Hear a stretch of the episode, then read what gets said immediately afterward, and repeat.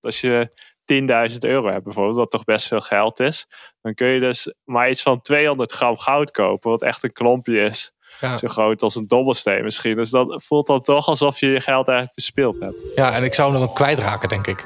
Ja. Dat is het verhaal. Dus dan hou ik het liever op de bank. Shit, mijn goudklompje? Ja, shit. Of goudklompje kwijt. Ja, ja, ja. Oh jee. je per ongeluk in de wc laat vallen. Ja, precies, ja.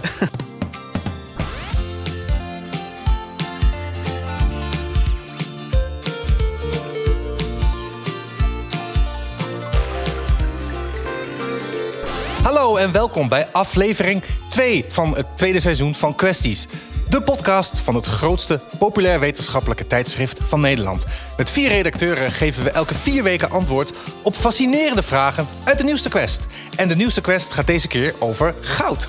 En we hebben natuurlijk weer een bijzondere quiz. Dit keer met vragen van luisteraars. Vragen insturen kan natuurlijk nog steeds op kwesties.quest.nl. Vandaag gaan we het hebben over auto's. Ellie rijdt het liefst in een Peugeot 205 hier, maar voor Quest reed ze dagenlang rond in een hele dikke Porsche. Maar wat bezielt mensen nou om zo'n belachelijk dure auto te kopen?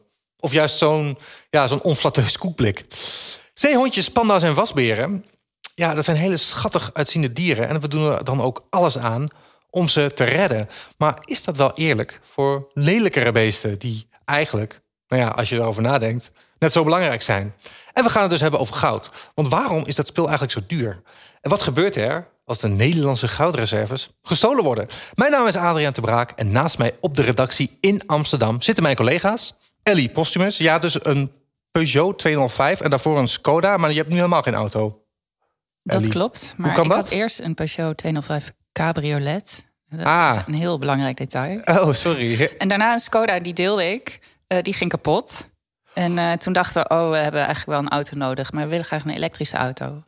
Dus daar ga je nu voor sparen? Uh, nee, die hebben we al. Nou, dat is een ding met subsidie. Je krijgt pas in januari weer subsidie. Het is nu geen januari. Ah, dus je wacht even. En dan krijg je een elektrische. Oh, slim. Maar wat voor auto neem je dan? Een Hyundai Ioniq. Oeh, oh, dat is een hele ik fijne. ik heb daar een keer gereden. Deze keuze. Ja, oh, ik vind namelijk alle betaalbare elektrische auto's best wel lelijk. Oké, duidelijk. Melanie, heb jij een auto? Nee. Wel een fiets? Ja. Wat voor? Uh, ik, een tweedehands fiets ah, van de fietspiraat. ik weet het. You, you don't care. Ik weet het niet, hij rijdt. Jij bent geen merkenkindje? Nee, nou, Nee, niet, niet als het om fietsen nee, gaat. ja, ik ook niet. Dus ik, ik, ja, nee. ik wist niet eens dat de merken waren. Nou ja. Nee, inderdaad. Ja, het is gewoon een vreemde wielen. Ja, geef me gewoon. maar nee. Pepijn, jij zit, jij zit thuis, hè? Laten we daar even mee beginnen. Jij bent een beetje ziek. Ja, dat klopt. Ja, ja ik, ik weet niet of ik van de privacy mag zeggen wat ik heb. Maar het begint met een C en het eindigt op Orona. Oké. Ja, dat, dat is dan duidelijk. Maar heel fijn dat je er toch bij bent. Je klinkt in ieder geval goed. Jij hebt wel een racefiets, toch? Ja, zeker. Ik heb een prachtige Batavus stadsfiets. En ook nog een racefiets. Daar ben ik helemaal trots En wat voor een racefiets dan? Een Italiaans raspaardje, een Battaglin is het. Ik heb geen flauw, ik heb er nog nooit van gehoord. maar het zal vast heel goed zijn. het is voor de kenners. Vergeet de wolf. Het nieuwe plaagdier in Nederland is de wasbeer. Melanie, jij schreef over wasberen. En dat zijn dus blijkbaar ontzettende rotbeesten. Ja, ja die zijn echt. Uh, er zijn allerlei boeren in Limburg die heel veel last van die dieren hebben gehad. ze breken in in kippenhokken. Uh, vallen die, die, die kippen aan. Eten ze kippen? Ze eten kippen, ja. En, en ook vooral de eieren ook. Die vinden ze ook heel lekker. Um, het zijn net mensen. het zijn net mensen. Ja, ze vallen mensen lastig tijdens picknicks. Er zijn koelboxen opengebroken. Dat is en, toch juist grappig? Ja, ja. Het, nou ja, ja, nou ja, het, ja het, is, uh, het is wel grappig, maar het. Um, kijk, het zijn er nu. Ook. Uh, nee, hoor, nee, nee, nee, nee. Ze zijn niet, zijn niet heel agressief, schijnt. En het, zijn, het valt ook op zich nog wel mee. Hoor. Er zijn 200 meldingen uh, het afgelopen jaar geweest van, van uh, wasbieren, overlast. En dat, dat valt op zich nog wel mee. Want die eh, beesten die lopen dus rond in Nederland, Melanie. Ja, ja, ja. Er zijn er in, uh, uh, in het zuiden van het land de, vooral. Er zijn nou ja, dus een paar honderd van die, van die wasberen al ja, gevonden. Of tenminste gevonden. Er, zijn, er is melding gedaan van dat ze een wasbeer ja. hebben gezien... en dat die ook overlast hebben veroorzaakt. Um, en het is nu op zich nog niet zo'n heel groot probleem... maar dat kan dus nog wel groot worden. Want bijvoorbeeld in Duitsland hebben ze er al enorme problemen mee. Want daar zitten nu intussen al anderhalf miljoen miljoen wasberen. En die, en die zitten echt overal in vuilnisbakken en die dringen keukens binnen. Dus dat is, het is, dat is echt heel lastig om daar vanaf te komen. Maar ze zijn gewoon niet schuw of zo, ze zijn gewoon brutaal, dat is het. Ze zijn brutaal en ze zijn ook heel intelligent. Dus er is onderzoek gedaan dat ze slimmer zijn dan, dan, dan racesaapjes. Ze kunnen sloten openbreken en ze kunnen uh, bepaald soort sloten, simpele sloten, kunnen ze zelf openmaken. En ze kunnen heel goed klimmen en ze hebben hele scherpe tanden. Dus het zijn echt. Maar dit wekt bij mij dus ontzettend veel sympathie op. Dat ik nu al denk: oh, dit is mijn nieuwe lievelingsdier. Ja, ja, ja, je hebt gewoon de keukenramen open. Kom binnen. Ja. nou ja, dat, dat is dus ook gewoon ook wel een beetje in hun voordeel. Want um, het eigenlijk uh, is de regel. Het zijn invasieve exoten. Dus dat wil zeggen dat, het, uh, dat ze de Nederlandse soorten uh, bedreigen. Um, en dat betekent ook dat ze eigenlijk uh, gewoon afgeschoten mogen worden. In principe door uh, uh, speciale bedrijven. Maar ja, omdat ze zo ontzettend schattig zijn. Ik geloof dat er één of twee wasberen ooit zijn, zijn afgeschoten in Limburg. En dat is echt. er is zoveel kritiek op gekomen. Omdat wasberen gewoon heel erg lief vinden. dus nu is het beleid dat de wasberen worden uh, gevangen door uh, nou, de, de, Zoogdierenstichting. Die zet dan vallen neer met kattenvoer erin. en dan worden ze, ja. ja. worden ze gedeporteerd. Ja. Nee. ja. ah.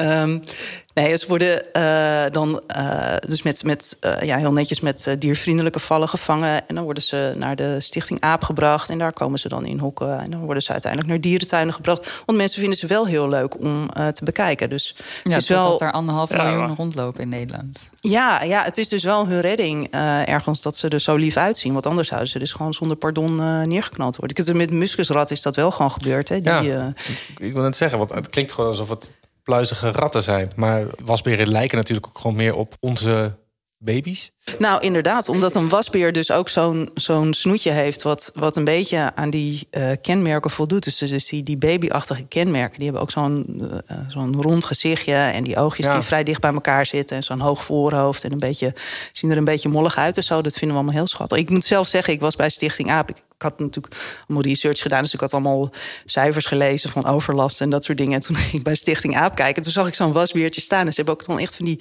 van die kleine handjes waarmee ze dan zo om die tralies staan. Die houden ze die tralies zo vast. En dan staan ze daar met dat, met dat bolle hoofdje te kijken. Ja. Dus toen werd je schattig. Ja, ik vind, ja. Vind Mag je zelfs huisdier houden in Nederland? Nee, nee dat is uh, het, uh, tot 2015, meen ik. 2016, nee, 2015 uh, mocht het nog wel. Oh. Uh, dat is ook een beetje waar het misgegaan is. Hè? Want ze werden dus eerst uh, als uh, huisdier gehouden. en ehm, die, die, huisdieren zijn ontsnapt. En daardoor hebben we dus nu in Limburg. Ja, want ze lijken wel lief, maar het zijn natuurlijk grote irritante huisdieren plagen. als ze sloten open kunnen maken in de ja. koelkast. Nou ja, ze lopen gewoon heel makkelijk weg. Ja. Ook nog, ja. Ja. ja. Dus het is niet alleen ze, ze komen ongewenst, maar ze gaan ook, mocht je ze echt willen houden, gaan ze ook ongewenst weer weg. Ja, ja ze, breken gewoon, ja ze breken gewoon uit. Ja. Nou ja, en het is dus ook zo dat. Um, dat het dus heel oneerlijk is, want bepaalde dieren die zijn dus bedreigd, en, uh, uh, maar wel lelijk. En daardoor zijn er dus heel weinig uh, ja, acties om, om, om die dieren te, te behouden. Of uh, om te zorgen dat er meer van zijn. Dus een Britse bioloog, Simon Watt heet hij. Die heeft de Ugly Animal Preservation Society uh, opgericht. Oh ja. uh, ook echt speciaal voor bedreigde dieren die er dus niet mooi uitzien. En waar dus veel te weinig aandacht voor is. Bijvoorbeeld de blobvis. Dat is zo'n ja, ja. zo'n vis met zo'n zo echt zo'n heel raar gezicht. Je moet maar even googlen. dat, ja, die, die krijgt dus bijvoorbeeld heel weinig aandacht. en ja, nou ja, hij komt dus eh, op voor, uh, voor, voor het lelijke dier. Dat moeten we eigenlijk in Nederland ook uh, doen. Ik ja, denk trouwens ja. dat daar ook best wel veel mensen enthousiast over zijn. Het is toch ja. ook zo'n underdog-effect... dat je ook sympathie hebt voor de zwakkere partij. Ja, dat ja, maar ik vraag me toch af... ik denk dat het toch lastig zou worden... Hoor, als je alleen maar... Een, een, een, ja, maar als je ze dus in de in de spotlight zet als underdog. Ja, dan kan het wel grappig zijn. Maar dan is nog, denk ik, ja, ik denk dat het alsnog wel lastig Maar we kunnen het proberen. Hè? We kunnen kijken of we de platform uh, kunnen promoten. Wat wel grappig is, is dat bepaalde dieren die we dus wel sowieso schattig vinden, zoals honden, dat daar ook weer verschil in zit. Want bepaalde kleuren, zoals zwarte honden, die uh, vinden we kennelijk uh, er vaak enger uitzien of zo. Omdat die uh, in, in films vaak als een soort horrorbeesten worden neergezet. Maar dat blijkt dus ook in, in het asiel. Er worden zwarte honden dus minder vaak meegenomen. Dat, is, dat is ook, heeft ook echt een naam. Er is onderzoek naar gedaan. Het Black Dog Syndrome heet dat. Dus dan blijven heel vaak tot die zwarte honden achter in het okay. asiel. Dat vind ik ook wel gehoord, heftig. Ja. Dat is echt heel sneu. Ja, ja. Oh. Ik heb ook een uh, rood-wit asielkat, geen zwarte. Ja. ja, ja. Ik heb wel een zwarte kat. Als ik ooit weer een hond neem, dan... Uh, naar, oh. degene die ik nu heb, dan neem ik waarschijnlijk een uit het asiel. En dan zal ik letten op dat het een zwarte is. Ja, dat lijkt me heel goed. Alle mensen, steun de platform en neem een zwarte hond uit het asiel. Ja, laten we, laten we daarmee dit blok afsluiten.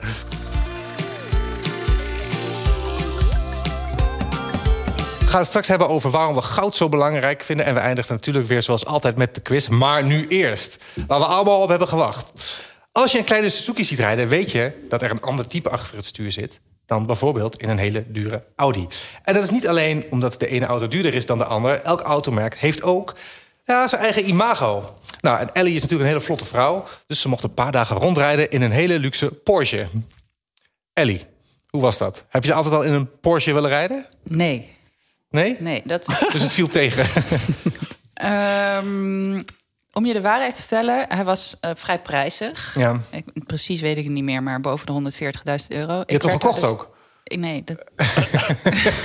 het bonnetje ingeleverd bij Quest. ik dacht voor één artikel. Ja, ik ga, mijn volgende artikel voor de Quest gaat over het verbouwen, de uitbouw van een huis. Dat is echt uh, wat een heel leuk artikel. ja.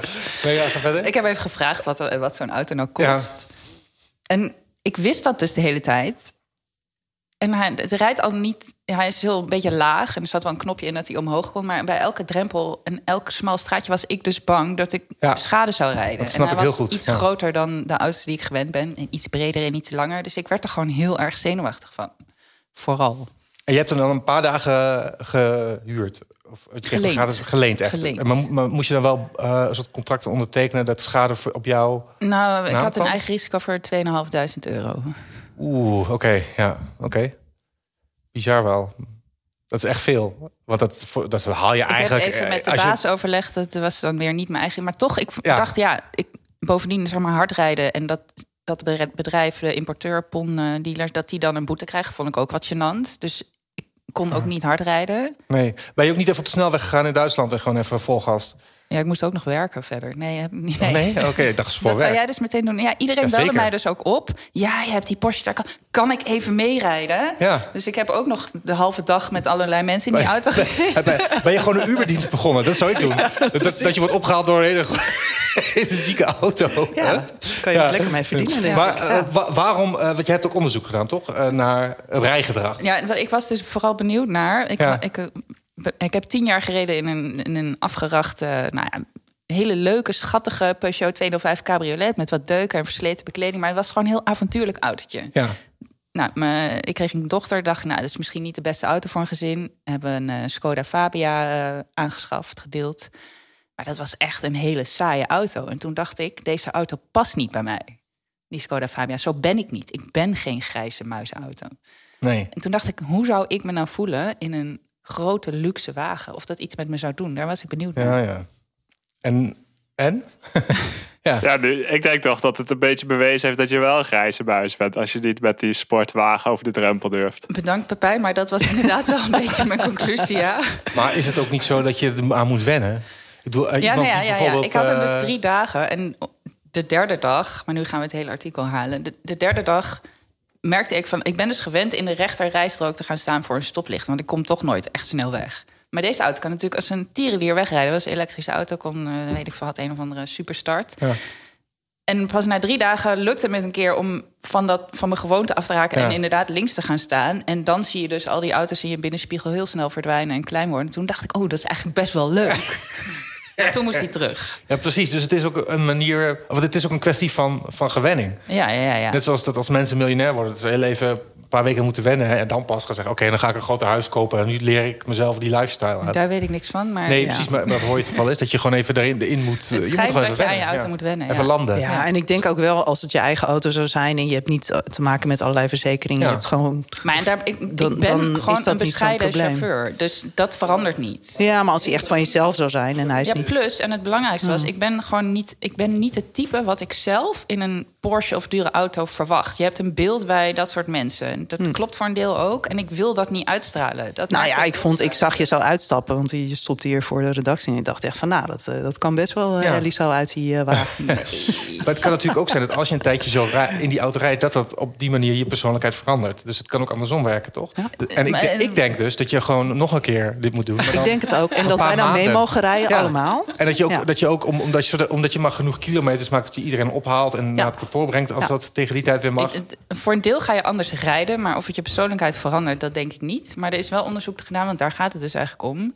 Uh, of je persoonlijkheid een beetje bepaalt wat voor een type auto je aanschaft. Ja. En ze hebben dan specifiek gekeken naar dure luxe auto's. Om daarvan uh, is bekend dat mensen die daarin zitten vaak een beetje agressief en asociaal rijden. Dat is ook echt bewezen. En uh, er zijn Finse onderzoekers van de Universiteit van Helsinki geweest in 2019. En die hebben van bijna 2000 mensen gekeken wat voor een auto ze hadden. En de Big Five persoonlijkheidstest laten doen. En vooral mannen die minder vriendelijk zijn, agreeableness van de Big Five. Minder vriendelijk, dus die houden minder rekening met andere mensen. Die zijn minder altruïstisch. Die kopen vaak, die gaan voor zo'n luxe, duur merk. En mensen die houden van uh, kwaliteit en uh, zekerheid. Nee, dat is ook een persoonlijkheidstype. ja, okay. weer, uh, oh, persoonlijkheidstype. Orde, het ordelijke type. Die, ah, zijn, die, zijn, meer van betrouwbaar. Ja, ja. Kwaliteit. Okay. Die kopen ook graag zo'n auto. Oh. Dus een deel, als je al een beetje zo bent, dat je graag wil laten zien. Nou, sowieso, alle mensen, veel mensen kopen een auto als een soort verlengstukje van zichzelf. Ik wil graag dat andere mensen kunnen zien wie ik ben of wie ik zou willen zijn, vooral. Okay. Zo'n auto koop je. En dat geldt niet voor iedereen. Sommige mensen kan het echt geen reet schelen wat voor auto ze hebben. Maar die Peugeot 205 van mij, die was gewoon een beetje avontuurlijk. En ik wil graag dat mensen denken dat ik avontuurlijk ben. Dat ben ik namelijk helemaal niet. Maar dat zou ik wel graag willen zijn. Ja. Oh, is dat het? Maar dan zoek je dus eigenlijk een auto die eigenlijk het tegenovergestelde is van wat je eigenlijk bent. Nou, gewoon wat je wil uitstralen. Of wat je wil, wat je wil zijn. Wat is een avontuurlijke Is dat gewoon een Peugeot, een Peugeot of zo? Ja, ik denk meer aan zo'n Jeep Ik vind een avontuurlijke auto een vierwiel aangedreven wrak... die door de modder kan rijden. Ik vind dat Zo'n zo'n Jeep ah, of zo, of hoe heet zo'n ding? In Nederland is dat wel uh, nodig natuurlijk. Al die slecht geasfalteerde wegen. Nou, hier om het pand heen wel, overigens. Dus dat, ja, dat is één grote bouwput. Dan kan je lekker rijden met je Range Rover. Ik zou stiekem dus ook wel gewoon zo'n Jeep-achtige auto willen hebben... die gewoon heel veel benzine sleurt en die door modder kan rijden en zo. Daar heb je niks aan in Nederland, maar ik zou dat wel, leuk vinden. Maar okay. Melanie, wat voor auto nou, zou jij willen? Uh, ik heb geen rijbewijs, maar ik... Ja, dat, dat maakt de boel wel een stuk lastiger. Dat compliceert het een beetje. Maar stel je voor, ik, je zou je zelf rond moeten laten rijden door een chauffeur. Ja, ja, ja dan, dan zou ik denk ik... ik uh, heb ook niet zo heel veel verstand van auto's. Maar als ik een mooie auto zie, dan, dan uh, zie ik er het merkteken van de Jaguar op staan. Echt ah, En dat, vind ik. dus ik denk dat ik dat dan wel mooie auto's vind. Oh, ik vind dat echt een beetje zo'n oude mannen. Ja, nou ja, dat wil ik denk ik ook uitstralen dan dat ik een oude man ben. oh, nee, dat kan. Ja? En Pepijn? Zelfde vraag. Wat, wat, voor auto zou jij, als je als budget is, is, is geen beperking, alles mag. Wat zou je dan voor een auto nemen? ik wil mezelf, dat is dan denk ik ook, ik wil mezelf ook duurzaam profileren. Dus dan zou ik wel voor een elektrische auto gaan. Eigenlijk had ik wel die, uh, die Taycan van Ellie willen uitproberen. Scheuren, het leukste van die Porsche was trouwens, dat wil ik nog wel even kwijt. Die had een knopje dat je, dat je het sportgeluid dus aan kon zetten. dat vond ik het allerleukste. Maar was die Porsche ook Hij was die elektrisch? Ja, was elektrisch. Oh, dat was een elektrisch ook. En ik wil ook nog wel even zeggen. Um, om het goed te praten voor de mensen die een Porsche willen hebben. Dat volgens de Porsche-meneer vooral mensen, mannen met een jongensdroom... die dan hun hele leven eigenlijk al zo'n dure auto hadden willen hebben. Dat dat de types zijn die dit soort auto's kopen. Oh, dus dat is ook jullie, weer lief, toch? jullie mannen als kind gedacht... oh, een... Hmm, hmm, hmm. Wat heb jij voor auto, Adriaan? Een Peugeot 208. Oh, ik heb geen idee wat dat is, maar... Nou, het is gewoon een hele degelijke auto die je heel veel ziet. Oké. Een uh, automaat ook. En uh, tweedehands. En het rijdt echt heerlijk. En dat was je jongensdroom dat je... ik heb nooit gedroomd over een auto. Dit was puur praktisch. Maar het is een hele fijne auto. Ik moet wel zeggen, nu ik hem heb, ben ik er wel heel blij mee. En vind ik het ook wel fijn, lekker om te rijden. Dus nu zou ik ook wel weer nog een stap omhoog willen. Dus nu begin ik ook die man te worden die denkt... ja, sneller en harder en groter Porsche. Dus ik, ik snap het ergens wel. Dus als je mij over twintig jaar een Porsche ziet rijden hoe ik dat aan het geld ben gekomen, moet je even vergeten. Maar dan moet je niet, moet je niet verbaasd zijn. Dat, dat, zo ben ik dan ook wel weer. Ja.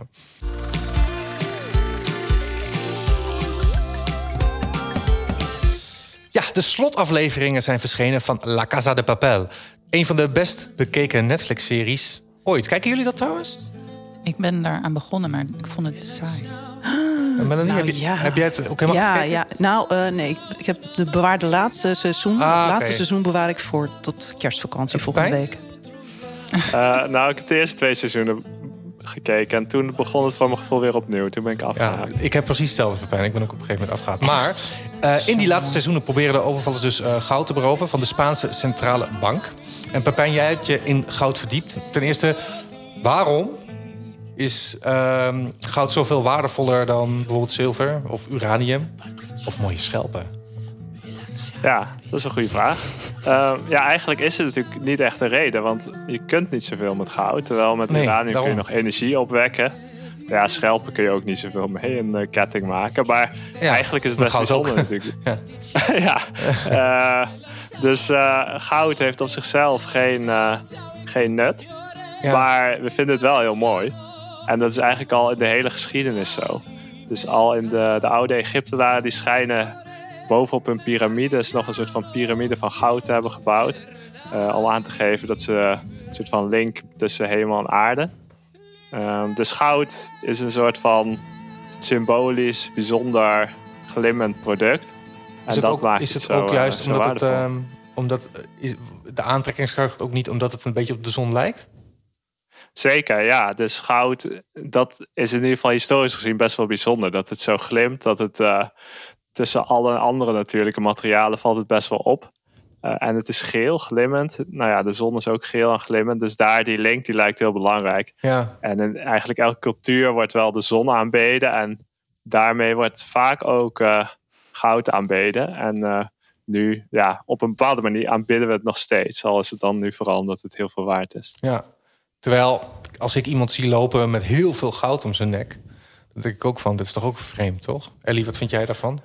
Ik vind het heel zonnig. Nee, ik vind, ik, ik vind het heel lelijk. Ja, toch? Ja. Melanie ook. En, en, en heel goedkoper uitzien. Omdat ja, ik maar dat is dus het denk dat het niet echt is. Maar misschien heeft dat te maken met... Ja, dat of mensen... juist als het, of als het wel echt is. Ik weet het Ja, niet dan zo is goed. het Ik vind het heel... Nou, ik Het vind het niet zozeer lelijk, maar gewoon heel uh, patserig. Dat iemand dan heel erg wil laten zien hoeveel geld hij heeft of zo. Ja, maar dat heeft hij dan dus ook. Tenzij Nou ja, niet meer, want dat ja. hangt allemaal om zijn nek. Dan. Ja, dat is toch ook Of geld nek.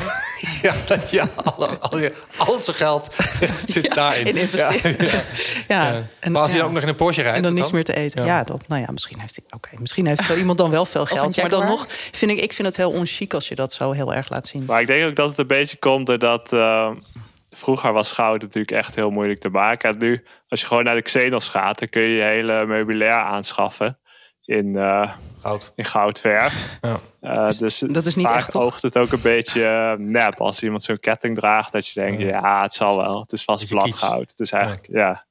Ja, is het misschien omdat het gewoon nu niet meer schaars is? Omdat het vroeger had je dan één klompje, dat vond je dan in een berg en dan was dat heel bijzonder. Maar nu, ja. Nou, het goud is nog wel schaars, maar ik denk dat het vrij makkelijk na te maken Ja, is. ja, Dat zo. De meeste De mensen met een gouden ketting, dat het eigenlijk gewoon fake is. Ja. Hoeveel goud heeft Nederland eigenlijk, Pepijn? Jij weet dit. Ik weet het, ja. Ja. Nou, niet uit mijn hoofd hoor. Ik heb het gewoon opgezocht. Ja. Maar Nederland heeft een goudvoorraad van 600 ton. Ja. Kilo? dus of- 600.000 kilo. Oké.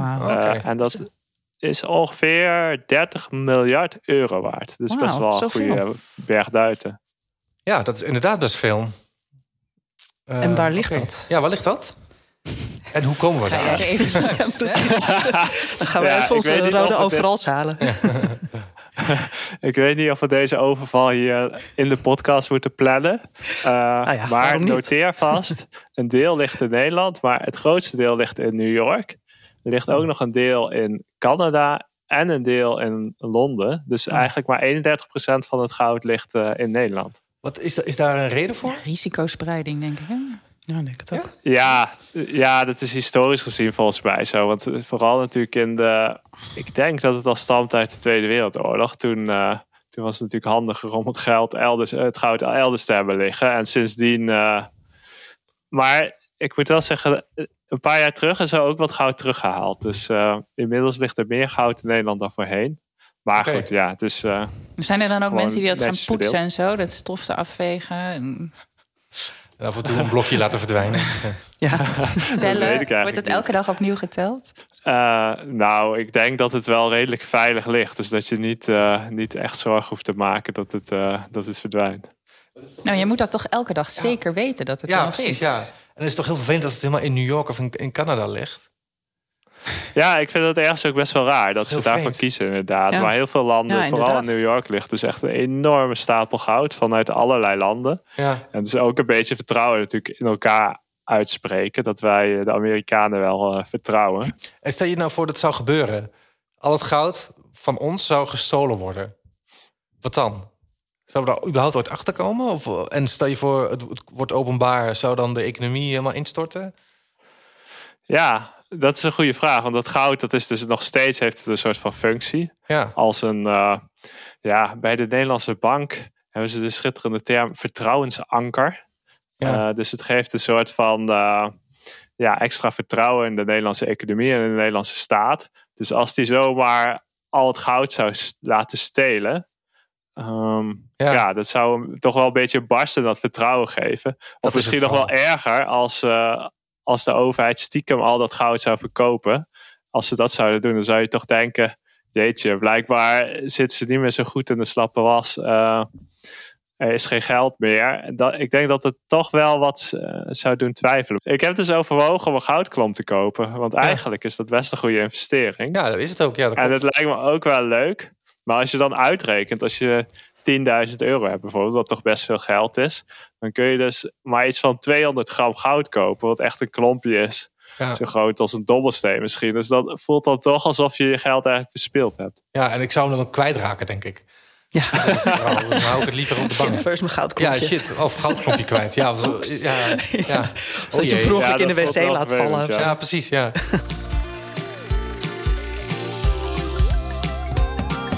Ja, waar iedereen op heeft gewacht natuurlijk. De quiz. Uh, deze quiz gaan we doen met vragen van luisteraars die ze hebben ingezonden. Enig.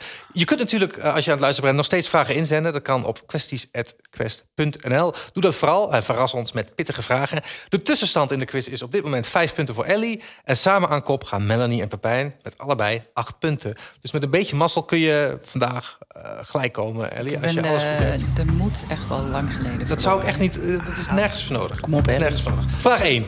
Welk nummer heeft het vaakst op nummer 1 gestaan in de top 2000? Deze vraag is van Mirko Klein-Hesselink. Is dat A. Bohemian Rhapsody van Queen? Is dat B. Hotel California van de Eagles? Of C. Avond van Boudewijn de Groot? Pijn. Ik zeg A. Ellie? Ik weet echt niks van muziek. A. Melanie? Ik weet vrijwel zeker A.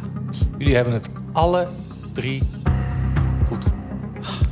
Gelukkig. Sterker nog, Zo, 18... je bent wel een soort Robert de Breek qua spanning. Ja, ja, ja, Zo, ik kom goed in, Adriaan. ja. Het is 18 van de 23 keer zelfs. Ja. Dus Hartstikke goed. Dus jullie hebben allemaal een punt. Jee. Je, ben, je, ben je niet blij met het punt, Ellie? dat Zit- maakt nu niks uit, toch? Dit, Jawel, want je had ook, je had ook alweer achter Ah. kunnen komen. Zolang je bijblijft is het goed. Je moet blij zijn met alles, Ellie. Vraag 2. Vraag 2 is een benaderingsvraag. En uh, één punt voor degene die het er dichtst bij zit. Hoeveel kilometer is de A1? Deze vraag is trouwens van Taco Wasser. Dankjewel, Taco. Melanie, doe, doe een gok. Eh, Ik heb echt geen idee. Ik, uh, moet je dus ook een beetje weten hoe lang Nederland eigenlijk is. Ja, Dat ja, ja, dus weet ik breed helemaal niet. Ik heb, ik heb echt geen geografisch eh, besef of zo. Dat maakt niet uit, zeg wat. Eh, 500 kilometer. Ja, Pepijn? Heeft Ellie al geantwoord? Nee? Nee? Oh, eh, nou minder dan 500. Eh, 183 kilometer. Oh. Ellie? Ja, eh 201. Eh, Pepijn krijgt het punt. Het is 158 kilometer. Jee. Yay! Dankjewel Taco voor deze topvraag. De laatste vraag, ingezonden door Marije van der Plast. Hoeveel nationaliteiten had Albert Einstein? Drie. Ja, Melanie? Ik denk twee. Pijn? is een Oostenrijker en hij naturaliseerde tot Amerikaan. Dus ik Ja. zou zeggen twee.